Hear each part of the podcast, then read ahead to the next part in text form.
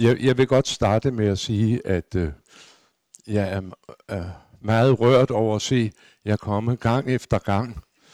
Øh, og så i varmen, og det bliver værre. Der bliver jo hedebølge i weekenden, så har vi arrangeret, at det bliver lidt koldere næste tirsdag. Så I behøves kun at tage kort bukser på. Og badedragt er også tilladt. Mundbind er afskaffet. Det er altid. Øh, jeg kan ved ikke, jeg var lige ude at hente vand, men øh, vi, vi har jo ugens tilbud her, og nu kan det jo godt være, at nogle af jer har nogle børnebørn, der bliver studenter, eller nogen, der fødselsdag. Men nu hvor det er forbi med coronarestriktionerne, så giver jeg som en personlig håndtryk og kvindkys, hvis nødvendigt, og skriver øh, øh, tillykke i, hvis, men det er ikke for at få solgt bøger, det er mere fordi nogle gange er der nogen, der er desperate. Øh, den kører vi forbi hurtigt. Hvor blev den af? Den ligger her. Og så går vi i gang med dagens tema. I dag skal, vi, skal jeg mestendels tale om mit arbejde eller mit virke i København, men også om, hvordan de her tanker om lave byer, menneskelige byer, begynder at blive, øh, der er lydhørhed overalt.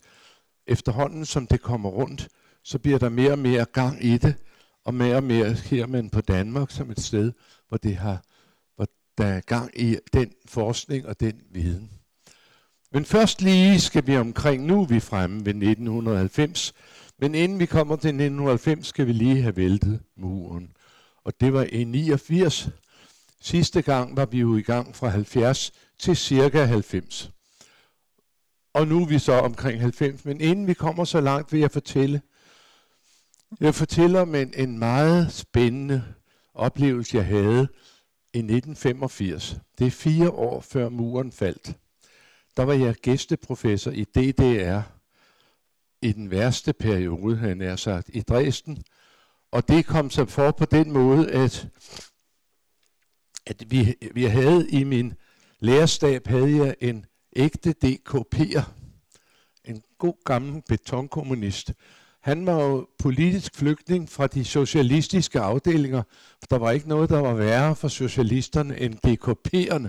Det var simpelthen Nå, så han var for politisk flygtning en flink fyr. Han kunne blandt andet arrangere nogle smadre billige studieture til DDR.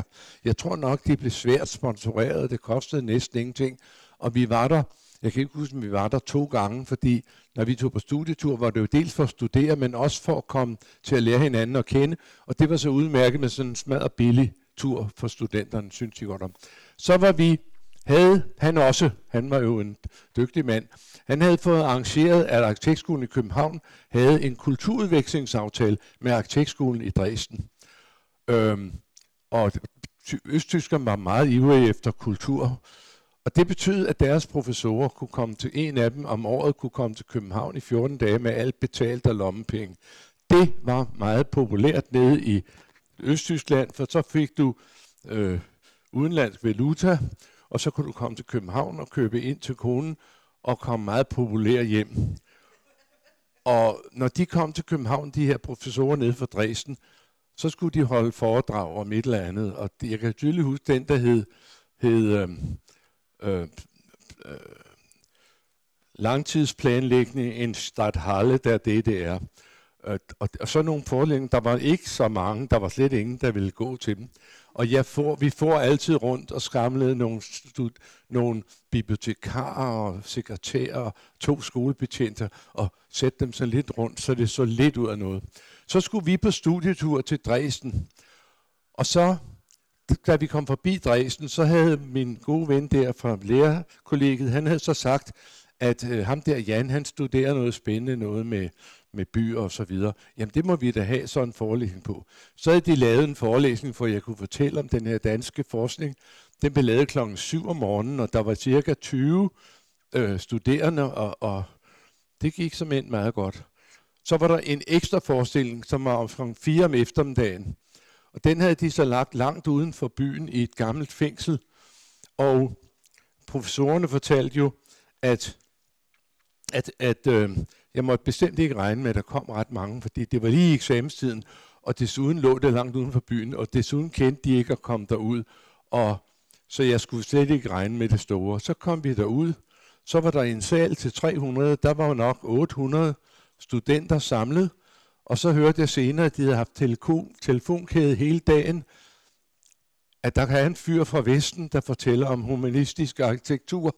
Det er klokken tre eftermiddag. De hang fra lamper og så videre. Og jeg blev meget inspireret, da jeg så al den der entusiasme, og den fik ikke for lidt. Og, og så gik der det, jeg aldrig har oplevet før i mit liv. Det var, at tre-fire gange under forelæsningen, så stoppede det hele med, at de alle sammen sad og klappede og sad sådan her. Og professoren sad på første række. Og til sidst stod jeg oven på talerstolen og sagde, det er det mest vidunderlige publikum, jeg nogensinde har haft. Jeg synes, det er så dejligt at tale med jer om noget, som I tydeligvis kan bruge og er glade for. Professoren havde også sagt, og desuden kan du regne med, at vores studenter kan ikke forstå engelsk. De har jo lært russisk, og de kan ikke forstå engelsk. Jeg har aldrig oplevet et, et forum, der kendte mere engelsk end dem. Hver eneste lille joke, den røg lige igennem, og de jublede, og de skramlede, og det var en festforestilling. Så noget tid efter, så skulle Danmark sende en professor til, Grækenland, til Dresden på udveksling, og så tænkte jeg, nej, de studenter der, dem vil jeg gerne ned og møde igen. Så meldte jeg mig, der var ingen andre, der ville. De var hele vejen rundt og sagde, vil du ikke nok tage til Dresden? Og så, jamen det ville godt, fordi jeg havde oplevet en fantastisk interesse, og jeg oplevede det så igen. Så kom jeg til Dresden en uge. Det var, jeg boede rigtig elendigt, da jeg boede udmærket. Jeg boede i et, et studenterkollegium, og der slog det mig, at alt var uden kvalitet. Det var lortebrunt, det var linoleum på det hele. Det var så grimt og så ligegyldigt. Man lige akkurat, der var varme i, i, i ja, vand i hanen og så videre. Det var simpelthen så grimt. Og alting, mad, maden kostede ingenting. En østmark for frokost. Og så stod der en med en stor gryde, og så kom de forbi med deres tallerkener. Så så fik de alle sammen, ligesom i grisestien, en gang gruttelse for en. Det var meget billigt. Og jeg oplevede også, hvordan luften var fuld af, af brunkul. Det var helt tykt af brunkul. Og professoren, ja, der var jo en professor, han holdt sig tæt ved mig. Og øh, han havde jo en vartbur. Det var meget fint at have en vartbur, for de andre havde jo kun en trabant. Øh, han havde en vartbur, men desværre var bag, bakkegearet gået på vartburen. Og der var 12 års ventetid på en ny vartbur. Så han kørte altid rundt med to mandlige studerende bag i, som, som kom ud og var bakkegear, når det var nødvendigt. Øhm, og øh, der var ingen tvivl om, at ham der professoren, han var, havde en dobbeltansættelse og skulle også passe på, at jeg ikke fik snakket med studenterne. Han var ret effektiv. Øhm, der var en dag, jeg hørte, de studenter snakkede om, de var ikke på skolen, de var hjemme privat alle sammen, og så kom de kun ind på skolen en dag og stod i en lang række, så hen og tale med professoren, så gå igen. Det var ikke noget med, at de skulle have det hyggeligt sammen. Og det var noget helt andet, det vi gjorde i København, hvor vi lavede en stor familie af, af sekretærer og lærere og studenter i en stor rådbog. Øhm, så hørte jeg, at studenterne mødtes på et kollegium hver onsdag for at synge. Og, og så sagde jeg, der vil jeg sgu gerne med. Jamen det kan du godt komme, det, det, det er sådan og sådan. Og så kom jeg hen, og så det var begribende. Så først, for det første var der Olsenbande-plakater på væggene. Og så tog de fuldt deres guitar frem, og den der tyske syngeglæde var der jo. Og så havde de alle sammen en lille sangbog, de havde skrevet af efter American Forces Network fra, fra Luxembourg, og så sang de engelske sange uafbrudt. Home on the range, and you will take the high road, and I'll take the road. Så gik der 20 minutter, så dukkede professoren op og sagde, ah, der er I, hvor hyggeligt, hvor hyggeligt. Jeg hørte, I skulle samles her. Så begyndte de alle sammen at kigge rundt i kredsen, hvem der havde fortalt Fæsser det. Der var masser af, man kunne sagtens mærke, der var, der var brydninger, men egentlig var der bare desillusion. Og, og jeg spurgte nogen, hvornår kan I få lov at rejse? Så sagde de, når vi bliver 65, så får vi lov at rejse men vi kan så ikke rejse tilbage. Jeg spurgte en, en pige, der arbejdede, en forsker, der arbejdede med lidt det samme ind i retning, sagde, har du ikke lyst inden for vores udviklingsaftale at komme til København og studere på vores afdeling et halvt eller helt år? Så sagde hun, er jeg 60? Er jeg en mand? Er jeg kommunist? Nej, nej, nej. Jeg kommer aldrig ud. Og øh, så øh, for, det fortsatte så sådan set, at de, de brugte studenterne til at lave de der betonprojekter, jeg har taget. Nu er vi ryget for langt her. Nå, jeg har taget et her. De lavede jo sådan noget der, og de, de sagde, det var alt for dyrt at restaurere, så hver gang der var noget gammelt, der var lidt gebrækkeligt, så rev de det ned, for de skulle opfylde en planlægningsnorm. Det kan du kun gøre ved at bruge de statsautoriserede byggeelementer, og så byggede de det der plattenbag. Og studenterne blev sat til at rive gamle bebyggelser ned og bygge plattenbag inden for studiets rammer, og de græd og græd. Der var også mange tegn på nye toner. Der var en forfærdelig masse DDR-historier om Honecker og alt sådan noget. Hvor hørte jeg dem? Dem hørte jeg, når jeg var hjemme hos Stasi-professoren, at hans kone, hun sad og underholdt mig. Så er der den med Honecker, nu skal du bare høre. Så er der den med, og han sad der og spiste.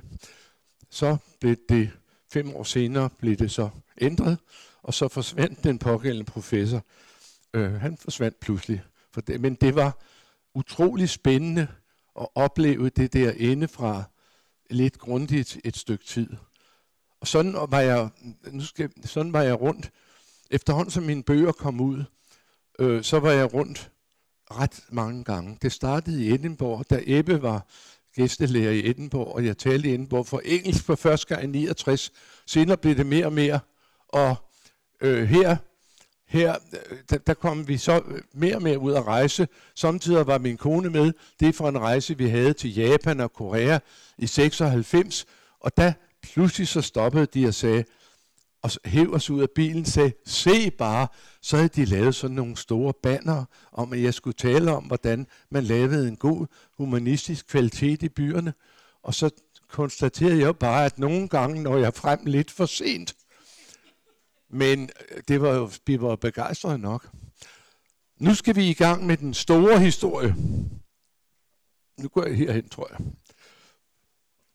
Den store historie, jeg fortalte jer helt i starten, at i 1933, der skete der de der tre ting af stor betydning for menneskeheden. Det ene var, at min far og mor mødtes, og det andet var, at Hitler kom til magten. Men det tredje var, at alle Europas byplanlægger, alle de førende byplanlægger, Gropius og Mies van der Rohe og, og Corbusier osv., de samledes i Athen, og så underskrev de det nye manifest for modernistisk planlægning. De underskrev det på en en, en krydserskib eller en, en cruisebåd, og, øh, og det var det, der gik ud på, at du må aldrig nogensinde lade boliger, arbejdspladser, rekreation og, og kommunikation være sammen. Altid del op i funktionsområder, og du skal ikke mere lave rum, du skal lave fritstående boliger. Alt det, som blev til modernismen, og som blev brugt begejstret og især måske i Østeuropa, hvor den der teknokratiske tilgang virkelig egnede sig til de her planprogrammer. Det var i 93. Og det førte jo så til den måde at bygge byer på, hvor man fløj hen over dem, og så flyttede man rundt på objekterne, til det så interessant ud. Så var det blevet en god by. Og så kom det til at se sådan ud ude på Amager, modernismen. Men i 1998, 65 år senere, der blev jeg inviteret til Grækenland til et cruise ship, hvor alle europæiske byplanlæggere var samlet igen 65 år senere. Det var den europæiske byplanlæggerforening, der havde arrangeret, at vi skulle skrive et nyt Athen-manifest, og der stod lige præcis alt, hvad der stod i det gamle manifest, skal du gøre lige omvendt. Og det tog 65 år at finde ud af, at der var noget galt der. Og vi stod lidt og grinede for Danmark, for vi var jo allerede i gang med det oprør i, i, i 70'erne med den store miljødebat. Og, øh, Og så sagde de, jamen vi er nødt til at skrive under her. I skal sgu også skrive under, fordi det, det, det, de har brug for meget der i Grækenland og i Portugal og sådan nogle steder. Fordi vi var jo for længst gået i gang med det der, som er jo en reaktion mod modernismen.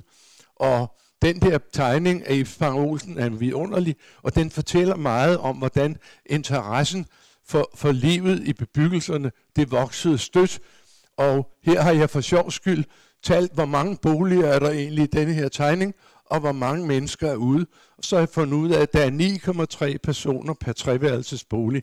Det er en grænseløs overbefolkning i denne lille bebyggelse, men de har det skide hyggeligt. Sådan var vi, der, her var vi i Danmark langt for inden 98. Og her kan du se, hvis du er i tvivl om, at er, man er begyndt at få øjnene op for betydningen af livet mellem husene, så kan du bare se på de perspektivtegninger, som alle arkitekter afleverer hver gang. Jo flere med er ude mellem husene, jo bedre må projektet jo være. Prøv at se på annoncerne i søndagsavisen med for eksempel med Carlsberg og hvad som helst. Det flyder med lykkelige mennesker. De har fundet ud af, at det gælder om at gøre mennesker lykkelige. Det er jo dejligt. Hvorfor var jeg inviteret til at komme til Athen og skrive under, men også skulle jeg holde en af fløjtalerne. Der var en 3-5 stykker, der skulle tale om, om betydningen af, at vi nu skulle lægge det om. Og jeg blev inviteret med en af dem, og det var jo fordi, vi havde fået i, i Danmark en status som et af de steder i verden, der virkelig fik studeret det der. Og nu hvor jeg er blevet meget gammel, har jeg bedre overblik. Der kan jeg se, at i alle de der år, hvor jeg selv arbejdede på Kunstakademiet, og Lars Gemsø, som sidder der, ja, han sidder der, han var i min nærmeste medarbejder. Nå, men vi vidste jo, at der var tre steder i verden. Det var i New York, hvor den gamle øh, øh gudmor for det hele, Jane Jacobs, arbejdede. Øh, jeg skrev bog i 61, og så er der nogle flere bøger der. Så var der Berkeley Universitetet i, i Kalifornien, hvor der var en række markante øh, skribenter og forskere, der, der også studerede det der med, hvordan påvirker livet formen. Og så var der Københavnsskolen, hvor vi skrev den ene bog efter den anden. Det, der var karakteristisk for vores forskningsenhed, som var den tredje i verden i denne her periode, det var, at vi hele tiden, at vi koncentrerede os om København, men også at vi, at det var en kontinuerlig serie, at når vi havde skrevet om det, så prøvede vi at sige, hvad skal der så mere til, hvad skal der mere til, mens de andre var sådan individuelle, geniale output, men det blev ikke til så meget. Så det vil sige, at man i København på arkitektskolen havde et center, der konstant forsynede København med forskning om byliv. Det kom til at tage en, have en betydning, og det var kendt i verden, og det var selvfølgelig derfor, jeg skulle ned til Athen og holde tale ved den der kongres. Nu skifter vi emne. Vi skifter spor. Nu skal vi høre om København. Nu skal vi nu skal jeg fortælle øh, og det bliver ikke min egen historie så meget noget af det, men det bliver mest om København. Det her, det er Kongens Nytorv 1900. Og der kan I se, hvor enormt fredsomlig sådan et sted var. Og I kan se, at folk går rundt, de ejer det hele. Der står et par heste, drosjer og venter. Ellers, men så læg mærke til, at der er ikke noget byinventar. Der er nogle få lampe og nogle statuer, og der er detaljer på husene. Og hvorfor? Og lamperne er forfærdeligt fine, for det er folk, de går forbi og har god tid til at glæde sig over hvor de fine detaljer. Man kunne virkelig se detaljerne, når man færdes til fods. Alt det bliver jo fuldstændig ødelagt, da bilerne kommer ind, så bliver byrummene fuldstændig fyldt med vandrør med, med farvede skilte på. Øh, og der bliver mere og mere øh, byinventar, og det bliver grimmere og grimmere. Her er det fem år senere, der er kommet en af dem, men det er stadigvæk ret fredeligt. Der er også en sporvogn. Øh, det er stadigvæk ret fredeligt, og så går det hurtigt. Det har jeg fortalt jer om i 60'erne, hvordan bilerne strømmede ind med, to, med 200 om dagen. I 15 år var der der i den periode, og stoppede så ved oliekrisen, så kom det i gang igen. Og nu er den gal igen, men det kan vi komme tilbage til, eller ja, det her er Nørrebrogade, nej, det er Vesterbrogade, og det der, det er selvfølgelig Gammeltorv Nytorv. Det her er strøget, som det så ud i 60'erne, før, før den blev lavet om. Måske i slutningen af 50'erne så strøget sådan her ud. Der kørte busser og lastbiler hele, og der var parkering hele vejen ned gennem strøget. Den er 11 meter bred, alt inklusiv. Og folk gik på fortorvet og skubbede til hinanden.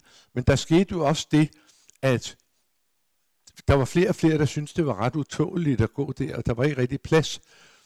Og vi kan se, hvordan fra 2. verdenskrig og til 62, der falder faktisk besøgstallet på strøget. Der kommer ikke så mange, som der plejer at gøre.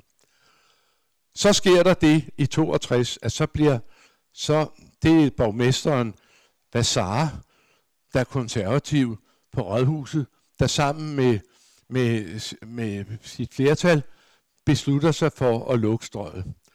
Og der har været der er mange, der har troet ude omkring, og også i Danmark, at jeg har været med til den beslutning. Der jeg overhovedet ikke. Jeg gik på arkitektskolen, jeg er lige blevet færdig som arkitekt, og gik og restaurerede Sejrø Kirke. Jeg var slet ikke med til det der. Men hvorfor lukker de trafikken ud på den første store hovedgade i Europa? Og det er fordi, at de vil gerne hjælpe de handlende med at få mere ro til, til handelen efterhånden var der blevet frygtelig overfyldt, og man blev skubbet ud på gaden, og man fik i fare for at blive kørt ned, og det var et værre skedemarked. Man lukkede strøget op til jul, men så besluttede man at udvide prøveperioden til også november, og det endte med i 62, at vi aldrig lukkede op igen. Det siges, at de har meget været meget inspireret fra Tyskland, for i genopbygningen af de tyske byer var der flere af dem, der ikke slap bilerne ind igen, og ideen med det var at lave byen om til et indkøbscenter, der kunne konkurrere med Lyngby Storcenteret og med Rødovre Centeret, som jo var ved at blive planlagt, men var ikke bygget. Nu skulle København komme i forgrunden. København skulle være et indkøbscenter. Alt det blev gjort for indkøbets skyld, og der var vild diskussion. Det skal vi passe på. Der var vild diskussion. Øhm, man sagde jo, vi er danskere, vi er ikke italienere. Det kommer aldrig til at virke. Det der med at gå i byen, det er overhovedet ikke en del af nordisk mentalitet. Alle butikkerne kommer til at gå for lidt.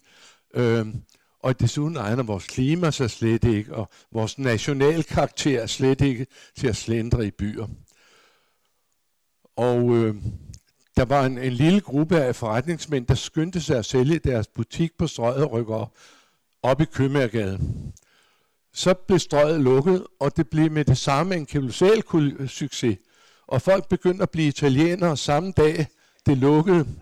Og øh, vi, ta- vi, ved, vi har talt på det. Der var 35 procent flere folk, der, der gik på strøget, da det var blevet lukket, end for inden. Og der blev, pludselig var der barnevogn på strøget. Det var helt uhørt. Og den lille forening oppe, dem, dem der, der flyttede op til Købmagergade, de blev fire år senere, kunne vi spotte, at de sad i deres handelsforening og agiterede for Købmagergade gågade straks. Så de havde taget lidt fejl af det. Øhm, her, sådan så strøget ud, da det lige blev lukket. De gjorde ikke noget som helst andet end at sende et skilt op i begge ender, og så lod de fortovene ligge, og øh, så gik man der, og så gradvist fik man gjort noget mere ved det. Det er Fiolstræde, den kom til øh, i 67, tror jeg det var, der fik man også lukket den næste, for det var ligesom, man havde fundet ud af, at det var egentlig en meget god idé. Og øhm, ja, får jo, jeg får taget, kommet til, jeg bliver jo gift med psykologen, og vi begynder at snakke om arkitektur og mennesker. Vi tager til Italien og studerer, hvordan byer og bliver brugt, og jeg bliver så ansat på arkitektskolen med et Ph.D., hvor jeg skal studere, hvordan mennesker bruger byen, og hvad gør jeg? Jeg drøner ned på strøget, der lige var blevet lukket for biler, for at se, hvad bruger de strøget til. Og der sad jeg så faktisk i 40 år og kiggede på bylivet i København, og fik efterhånden meget stor overblik over bylivet. Og her er det selvfølgelig ikke studier, det var en eller anden radiosendelse, men, men der var stor interesse for den slags studier.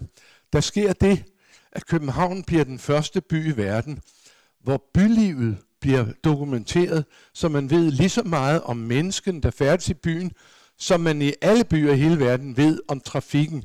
Alle trafikingeniørerne, De har jo hvert år talt alle bilerne og gået til borgmesteren og sagt, kan du se kurven her, vi skal have to kørebaner mere øh, der, og vi skal have så mange flere parkeringspladser. Nu kunne vi i København, der kunne vi sige, øh, hver gang I lukker en gade for biler, så kommer der jo flere mennesker, og de ser ud til at have det meget godt. Og øh, der kom vi så i gang med en rytme, hvor vi lavede ved cirka hver tiende år en stor undersøgelse af, hvordan livet i København havde udviklet sig.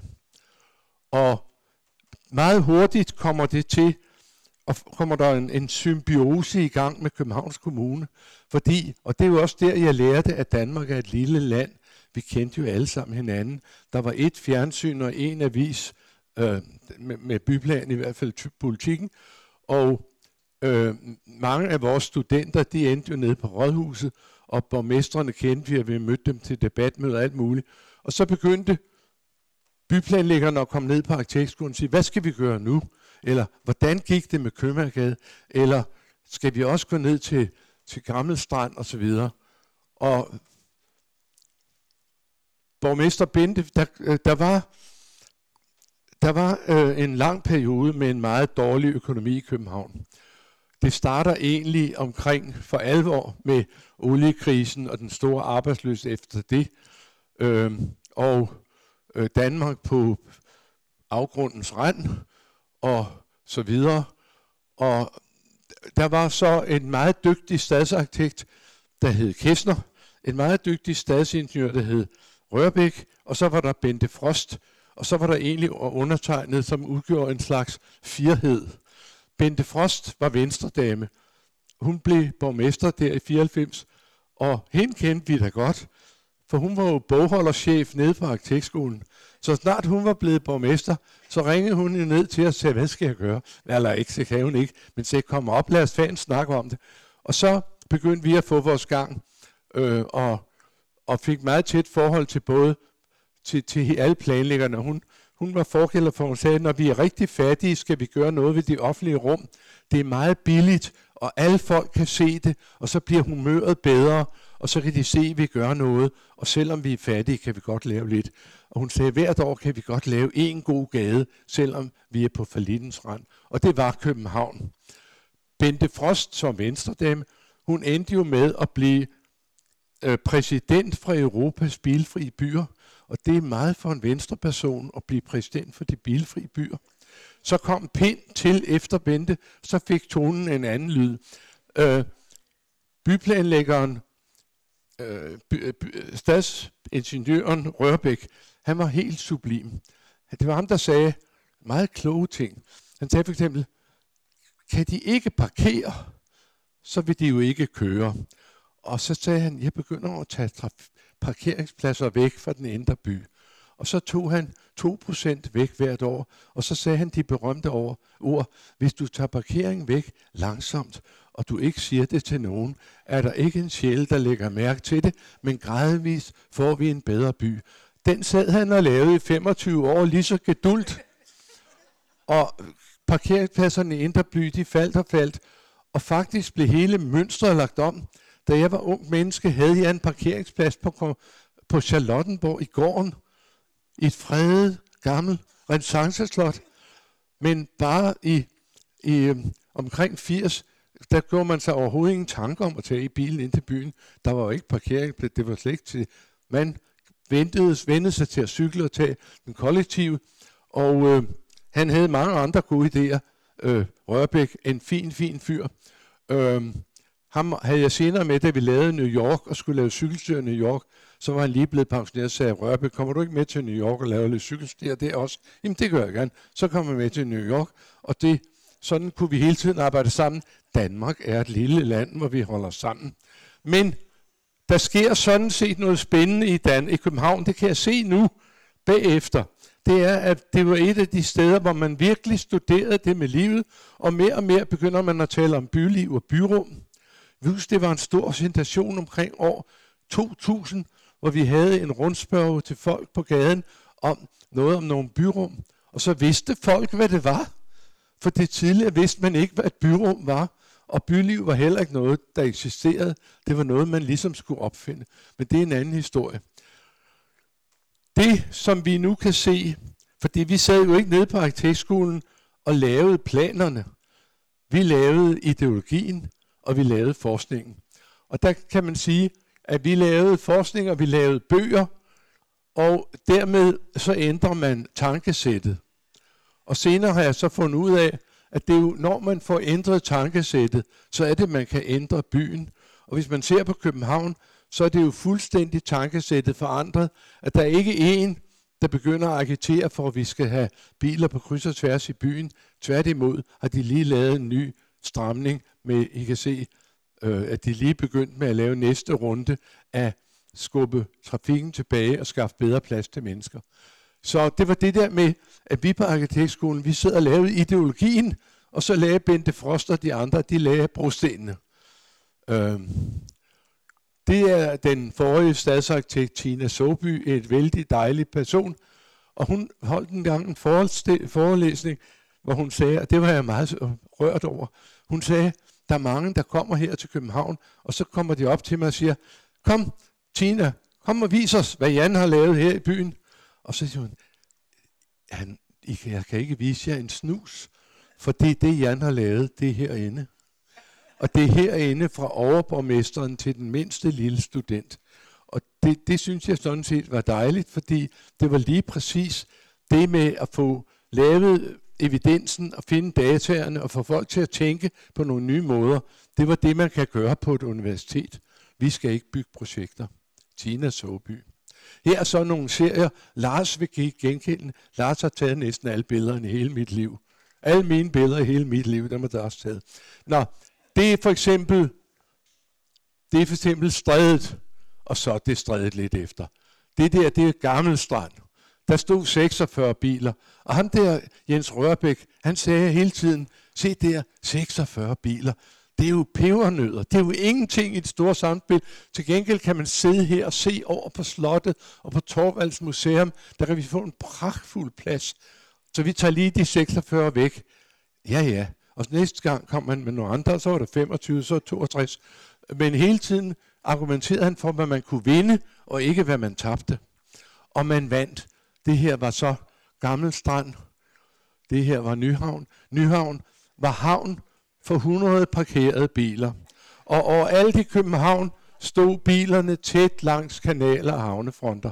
Gå ned i byen i dag og find et sted, hvor der står biler langs med havnefronter og kanaler. De er væk alle sammen til det sidste. Og sådan, det, sådan så der ud i Nyhavn. Nyhavn kom sent til 1980, og det er så 18 år efter strøget, så kommer Nyhavn til. Så bliver det kulturår 1996, og der beslutter vi på Arkitektskolen at forære København en jubilæumsgave til kulturåret. Vi laver den helt store undersøgelse af, hvad skete der fra drøjet blev lukket til i dag. Og der får vi så, så vi fat på en masse ting, og den bliver, og så kommer det morsomme ved det også, at det er så Københavns Kommune, der betaler det. Fordi de siger, at det er jo så værdifuldt, det I laver, at I skal da have penge til det. Og, og vi kan bruge det direkte. Så de betaltes, øh, at man sad ude og, af feltstudierne, og vi samlede dem sammen og lavede bøger af dem, og de kom på dansk og engelsk, og de kom meget mere på engelsk, end de kom på dansk. Vi sælger nogen på dansk, og så fortsatte den i 25 år med at udkomme på engelsk. De var alle sammen vilde efter at høre, hvordan havde København lige lavet det der trick med at blive en dejlig by. Hvad finder vi ud af? Og det er kun stykvis. Vi finder ud af, at for hver gang de skaber mere plads til mennesker, så kommer der flere mennesker. Vi regnede ud, hver gang der var 14 kvadratmeter mere gågader, så kom der en person og satte sig. Øh, det vil sige, at på en almindelig parkeringsplads kunne der sidde to, på to parkeringspladser kunne der sidde fire, og sådan var det. Og vi kunne sådan set påvise, at der var en direkte sammenhæng med den plads, du gav bylivet, og det byliv, du fik.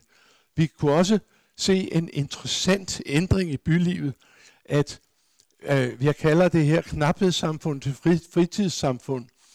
Øh, omkring år 1900, der lignede København Bangladesh og alle andre udviklingslande. Der var masser af mennesker på gaden, de var nødt til at være der. Man skulle bære varer rundt og sælge svovlstikker, og øh, masser af ting foregik ude på gaden. Du gik, fordi der var ikke andre transportmidler. Så kommer bilerne, og folk bliver skubbet ind på fortovene. så kommer modstand mod bilerne, og så kommer øh, gågaderne, hvor man får lejlighed til at gå. Og første runde her, der var det for at hjælpe handelen. Men efterhånden bliver det mere og mere rekreation, og der sker noget meget mærkeligt i den her periode, når vi for 25 år siden, og faktisk omkring år 1990, spørger folk i København, der ikke er på arbejde eller sådan noget lignende, besøgende, hvad laver du i byen? Jeg har inden for at købe ind. Hvad der? Ja, jeg er også inde for at købe ind. Og så spørger vi 20 år senere, hvorfor du er inde? Jeg er da selvfølgelig inde for at være i byen. Øh, hvad med dig? Kører du slet ikke ind? Jo, hvis der er noget. Jeg kigger lige, hvad der er. Og så kører jeg, hvis der er noget, jeg har brug for. Men jeg er inde. Og vi kunne se, at fra i den periode, hvor det skifter, det bliver mere og mere rekreation, at byens rum bliver brugt til fornøjelse, til rekreation og til kultur. Vi kunne, så, vi kunne se, at, at øh, der bliver mere og mere af det. Og øh, at den kommer her i to omgange. Men vi kunne også se, at det der rekreationsmotiv, det kan vi se meget tydeligt. Dels kan vi se, at folk begynder at ligge og flyde øh, på gaden. Øh, på, jeg har nogle dejlige billeder fra, fra øh, hvad hedder det, øh, Sankt Hans Plads, hvor folk ligger og flyder over det hele. Og det gjorde de jo ikke for 100 år siden. Der gik de jo sådan her. Og, men så hiver man jo, det bliver mere og mere, man prøver at lave strandstemning, feriestemning, øh, stille strandstoler op. Man laver, man kommer sand på det hele og siger, at det her er en strandcafé og kalder det alt muligt. Og øh, man har sådan en fantastisk ekstra brug af byen. Samtidig begynder man også at få en vældig udbredelse af cappuccino-kulturen. Øh, hvor tidligere havde vi, jeg kan tydeligt huske, da strøget blev lukket, der var der nogen af os, der spurgte, skal I ikke have nogle fordragscaféer? Fordragscaféer, det er jo sundhedsfarligt. Altså, der kommer søv i cappuccino, du dør. Så siger vi, at hvis det nu var så galt, så var der ingen franske og spanske og græske tilbage. Øh, så besluttede man at lave eksperimenter, og i begyndelsen, så var det også for koldt, ikke? Så blev der sat nogle stole ud øh, forsøgsvis i juni, juli, august, og så efterhånden, så fandt de ud af, at det var den store gevinst økonomisk, det var fordragscaféen, så udvider og udvider og udvider de sæsonen, og så kommer rygeforbuddet, og så har vi, så har vi nedlagt vinteren i løbet af et par 20 år. Nu er solen ude hele året, og øh, nogle af dem ser sådan der ud. Her kan I se udviklingen af København. Nu skal vi jo passe på tiden også. Uden af København, som er lavet på vores kontor i forbindelse med, at vi skulle lave en undersøgelse omkring det sted her, hvor der nu ligger arkitekturcentret. Men der lavede, sådan, det var den første, sådan så der ud. Og det gode ved den første gade der, det var, det var virkelig en rute gennem byen. Det var en kilometer, så du kom fra den ene ende af byen til den anden. Og så kom der noget mere. Det var hele tiden inde i byen. Vi havde jo en pragtfuld by, der ikke var blevet ødelagt af krige. Og den var ødelagt af general, Admiral Parker i 1807. Men vi havde jo tid bygget den op. Den var bygget op for 200 år siden. Husene var smalle og ikke for høje, og skalaen var super fin. Og det var lige til at tage over. Den var lavet for mennesker, erobret af bilerne, og det var bare at rydde op efter bilerne, så kunne vi bruge den igen. Og, og det var hele tiden den indre by. Havnen snakkede man overhovedet ikke om. Havnen var noget puba noget. Det var noget med prostituerede og drukne øh, øh, søfolk, og ikke druknede, men druk, drukne. Øh, og der var, der var kulbunker, der var snavs. Hele byen, alle byer i verden har traditionelt vendt ryggen til havnen. Men efterhånden bliver havnen jo evakueret, og det bliver det døde hav. Og så begynder øh, interessen for at komme ned og bruge den fantastiske rekreationsressource, som sådan et stort vandrum er. Og derfor kan vi se, at så kommer der de første små tiltag, og Nyhavn begynder at komme halvvejs ned til vandet. Og så øh, kommer der mere langs havnen, og efterhånden bliver havnen indtaget også, og så sker hele ekspansionen af bylivet i havnerummene, som jo er vanvittigt attraktive sammenlignet med mange andre steder i byen. Øh, så er det der med at være ved vandet er jo fantastisk, og det kommer så efterhånden, men det tog meget lang tid, og i mange år var det sted, hvor man samledes, det var Gråbrød og Torv. Det var der, hvor studenterne drak deres øller efter at være rundt i Nyhavn, rundt øh, øh, om, om øh, Øh, prinsen, der tog de ned i Gråbrød. Men så snart nyt, Nyhavn blev åbnet, så var det så der, man søgte hen, for det er et meget dejligere, det har mange flere kvaliteter i Nyhavn som rum end Gråbrød. Øh, og det er spændende at se, hvordan det flytter sig, de der ting. Jeg har en lille historie her. Det er, hvordan byen forandrer sig. Og her er det, ser det grøntorvet, der blev lavet på det gamle voldterræn. Og det, jeg tror, billedet er fra omkring århundredeskiftet eller lidt derefter. Der er et par få biler imellem. Så kom der noget nye afgrøder på grøntorvet. Og hvordan ser så det der ud i dag? Ja, der har vi så fået torvehallerne, og så har vi fået en meget spændende Israels plads her, øh, lavet af et meget dygtigt firma, der hedder Kobe. Og sådan ser pladsen ud. Det er selvfølgelig også Lars, der tager billederne her. Øh, så er der historien om Nørreport station, og øh, det var jo en værre rodebutik. Det så ud som en brækket arm, og man havde jo for længst fundet ud af, at hvor stiller man cyklen? Den slænger man, når man står af, og så ligger den der. Så det var fuld af slængede cykler, og skidt og møg, og der var en gade på hver side. Og øh, da Kobe skal til at gå i gang med den, så tager de, og det er virkelig en, det er lidt sjovt, ikke? for det er en af de metoder, vi har udviklet øh, i vores bøger, at man skal prøve at lægge mærke til, hvor folk går, og så prøve at indrette tingene efter, hvor folk går, i stedet for at indrække folk efter, hvor tingene skal stå. Så laver de et stort studium af Nørreport station, og så finder de ud af alle de steder, hvor folk går, og de steder, hvor folk ikke går. Og så laver de en ny Nørreport station, der ser sådan. Og de steder, hvor der ikke går nogen, der laver de cykelparkering. Øh, det er ganske genialt lavet. Og en anden ting, der sker, det er, at man udvider gågadenettet i den indre by, så det går helt herud, så man kan gå hele vejen herfra og ind til byen og ud, ud til stationen, uden at skulle krydse Voldgaden. Det er bare en af de forbedringer, der sker. Her er det Vester Voldgade. Det er lige her uden for døren. Det er næsten, det er næsten der, hvor vi er her. Men der tager man bare en helt tilfældig gade, og opruster den voldsomt med granit, granitcykelstier og et bredt fortov på solsiden, så der kan ske ting og sager. Den førte længere fra rådspladsen til ingen verdens ting ned den anden Fra somewhere to nowhere. Men en meget flot gade blev det. og den er så under udvikling i øjeblikket. Der er andre byrum, jeg har slet ikke gået igennem dem alle sammen. Men det går uden for den indre by. Nu bliver det Sønder Boulevard, og nu bliver det sådan Hanstorv osv. Og øh, men finder også ud af, at der virkelig er penge i det. Hvis du bor i nærheden af Sankt Hans Torv, får du 40 procent mere for din bolig, end hvis du bor lidt længere væk.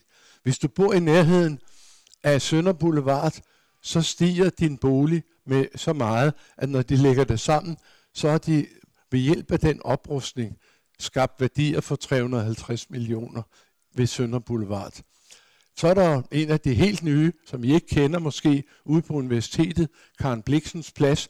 Et fantastisk fint rum, hvor de har lykkedes at klare cyklerne ind under sådan nogle øh, halv, pukler og så kan de sidde studenterne på ydersiden. Det må I hen og se. København, nu er der så andre borgmester, øh, og det her er Claus Bondam, der bliver borgmester øh, på det her tidspunkt, og han får lavet en stor strategi, hvor han siger, at nu prøver vi at lave en strategi, hvor vi får kommunen til at vedtage, at vi vil være verdens bedste by for mennesker. Der opdeler de meget præcist, hvor langt vi skal være om 5 år, om 10 år, om 20 år. De har en vision. Vi skal fortsætte det her med byen for mennesker. Altså, og, og det vil sige, at i modsætning til mange andre byer, hvor de lige laver noget inde i bymidten ved, ved, ved domkirken og sådan noget, så begynder den her tankegang, vi skal være gode mennesker, det bliver noget, der præger hele København. Det her er noget, en del af deres strategi. I gamle dage, der så alle udfartsvejene sådan derude. Der var en 5-6 kørebaner, og cyklerne kørte for luder og koldt vand. Og det er så alle sammen, at de blevet om. Næsten alle sammen. Tænk på det. Amagerbrogade, Østerbrogade, Vesterbrogade, Nørrebrogade. De er alle sammen, det her Ålkistvej, det der blev, af, af Gamle Kongevej, den har også fået turen. Nu kommer der en kørebane i hver retning. Der kommer en god hæle på midten, hvor du kan hvile dig. Der kommer cykelstier, der kommer gadetræer, der kommer fortov. Og den her gade, den er meget smukkere. Og den er langt, langt mere sikker for alle trafikantgrupper. Det er meget sikkert og nemt at komme over gaden. Og øh, den kan tage det samme trafik, som den der kunne, fordi i mellemtiden er trafikingeniøren blevet dygtigere til at lave svingebaner og bus, busstop og sådan noget, så du kan køre igennem. Tænk på Gamle Kongevej, der er kun én spor, men det kører så nogenlunde. En anden ting, som jeg synes er virkelig, og det er noget, de, de bliver meget rørt over rundt omkring i verden, når jeg fortæller om vores politik omkring den gennemgående fortov og det gennemgående cykelsti. Der står intet steds i FN's øh, menneskerettigheder, at når bilister kommer til et hjørne, skal de frit kunne køre i alle retninger. Det er noget, trafikingeniøren har fundet på. Man kan jo finde på en anden formel og sige, det er mere menneskevenligt, at fodgængerne kan gå igennem, at de handicappede og møden med børnevognen, og cyklerne kan køre igennem uden at skulle stoppe, og så kan ham i Mercedesen, han kan holde og vente. Og så kunne man også, man har fået indskrænker øh, gaderummet, man får plads til et træ, man får plads til en bænk, og en postkasse, den er nok nedlagt nu. Men hvad, hvad jeg sådan synes var særlig fint, det var, da jeg, da jeg talte med min datter, så sagde hun, åh far, det er så vidunderligt, at vi har fået det der her, hvor vi bor, fordi nu kan lille, lille øh, Laura, der dengang var syv år, nu kan hun gå i skole uden at skulle krydse nogle gader. Det vil sige, at hun kan gå i skole selv. Det vil sige, at fortorvet går fra vores dør til skolens dør. Det er noget helt andet at være syv år under de betingelser, end at skulle krydse fire gader og at være under eskorte for at komme til skolen. Sådan nogle små ting er byen fuld af den der tankegang. Og her kan I se, hvis den hele historien, øh, hvordan byen har udviklet sig fra dengang 62 til nu, hvor der er utro, og man har også fået de der ruter langs øh, havnen lavet, undtagen lige for den kongelige bibliotek derover til, til øh, Havnegade. Der er det rigtig sølle stadigvæk, men der arbejdes på sagen. Øhm, det falder i fire faser. Det er tydeligt at se, at der er nogle faser. Første fase, det var bare at få lejlighed til at gå og få plads til at gå. Og det var den der perioden med gågaderne. Men så efterhånden som samfundet udvikler sig fra 80 til 2000, så begynder vi at se pladserne blive ryddet, fordi nu begynder folk at have flere penge. Nu får vi tid til at sætte os ned og råd til at sætte os ned, og nu begynder man at få turisme, og turister kan ikke gå hele dagen, de skal sidde, og for at kunne flå en turist, så må vi have dem ned og sidde. Og øh, man begynder også at få meget mere kulturliv på gaderne, og plads til jazzfestivaler og alt sådan noget. Og øh, den, fjerde, den tredje fase, det er så mere og mere vægt på sports, på kropsudøvelse, på cykling, på skateboarding og andre ting. Og nu er vi i gang med øh, fase 4, hvor man kombinerer at lave klimaadaption med at lave bedre byrum. Der er et stort kvarter ude på Østerbro, hvor, de, hvor, hvor der var rigtig store vandskader, da der var den store skybrud. Og der har de så lavet, den ideen de har, eller tanken det er, at lave hele kvarteret til en stor svamp, som kan holde på vandet. Og det vil sige, at de planter så meget som muligt. De prøver at lave grønne tage, og der hvor de har torve, der laver de sådan nogle vådområder, så vandet kan løbe ned på torvet og, og blive der som en sø, indtil kloakken kan tage det.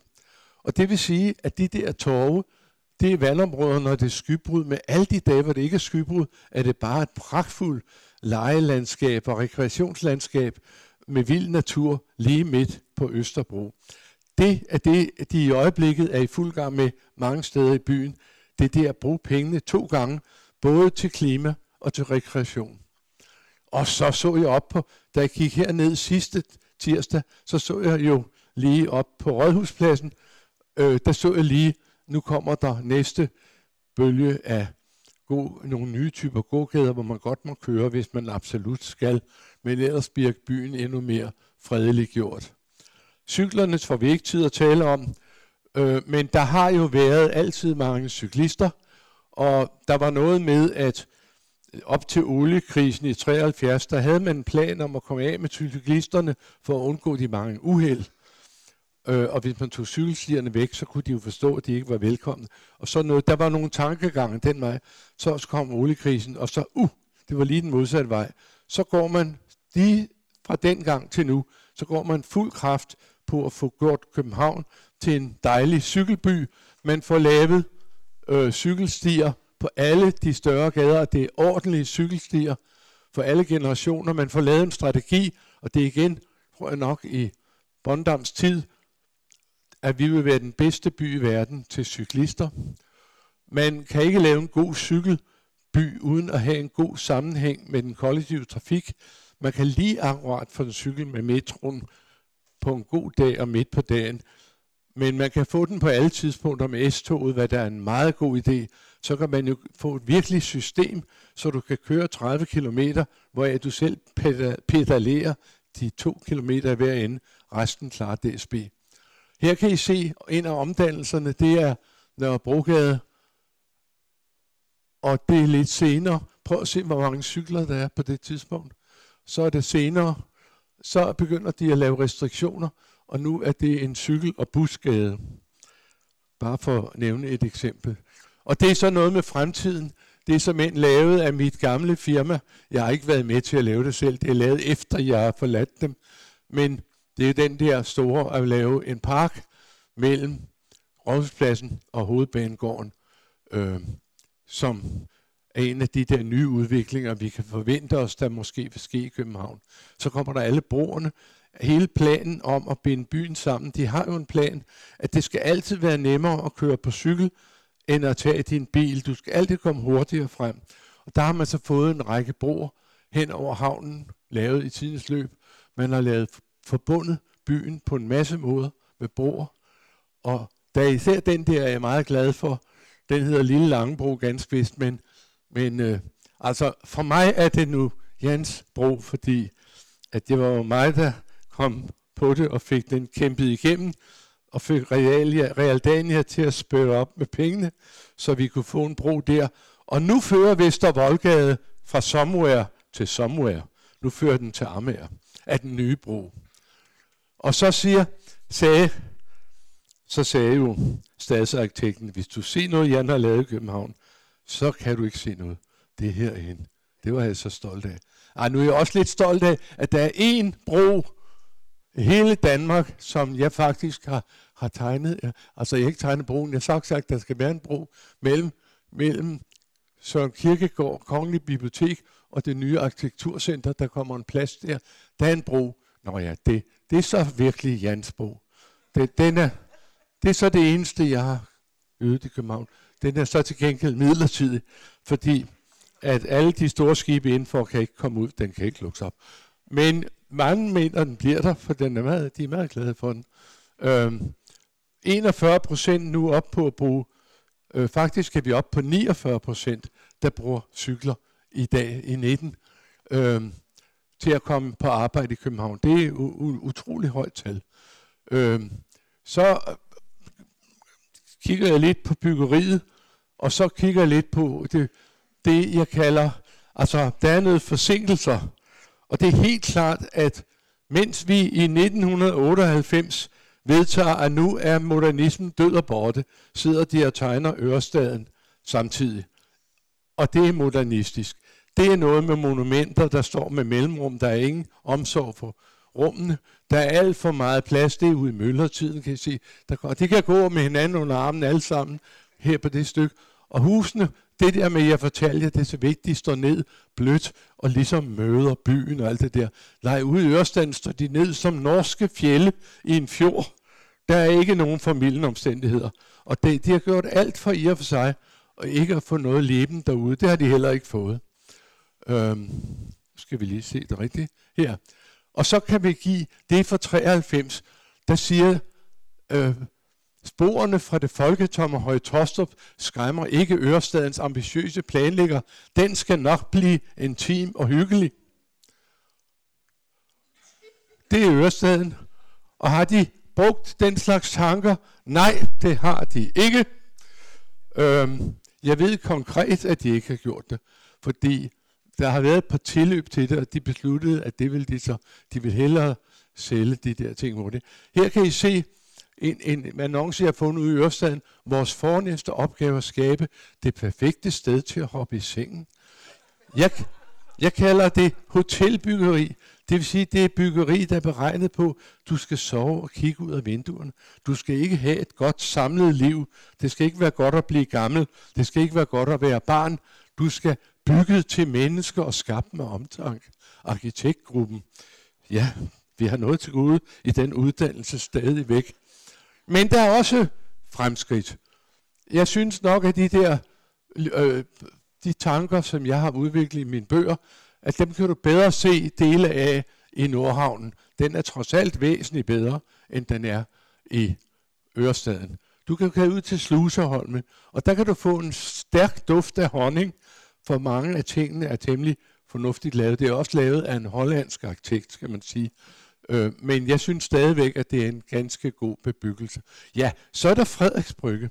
Det er så et af de få steder, jeg virkelig har haft med at gøre, fordi jeg har været med til at lave øh, programmet for konkurrencen. Jeg var med til at udvælge dem, der vinder, og bagefter så var det Nordea, der stod for det, og de hyrede så mig og Tom Nielsen fra Aarhus Arkitektskole, professoren.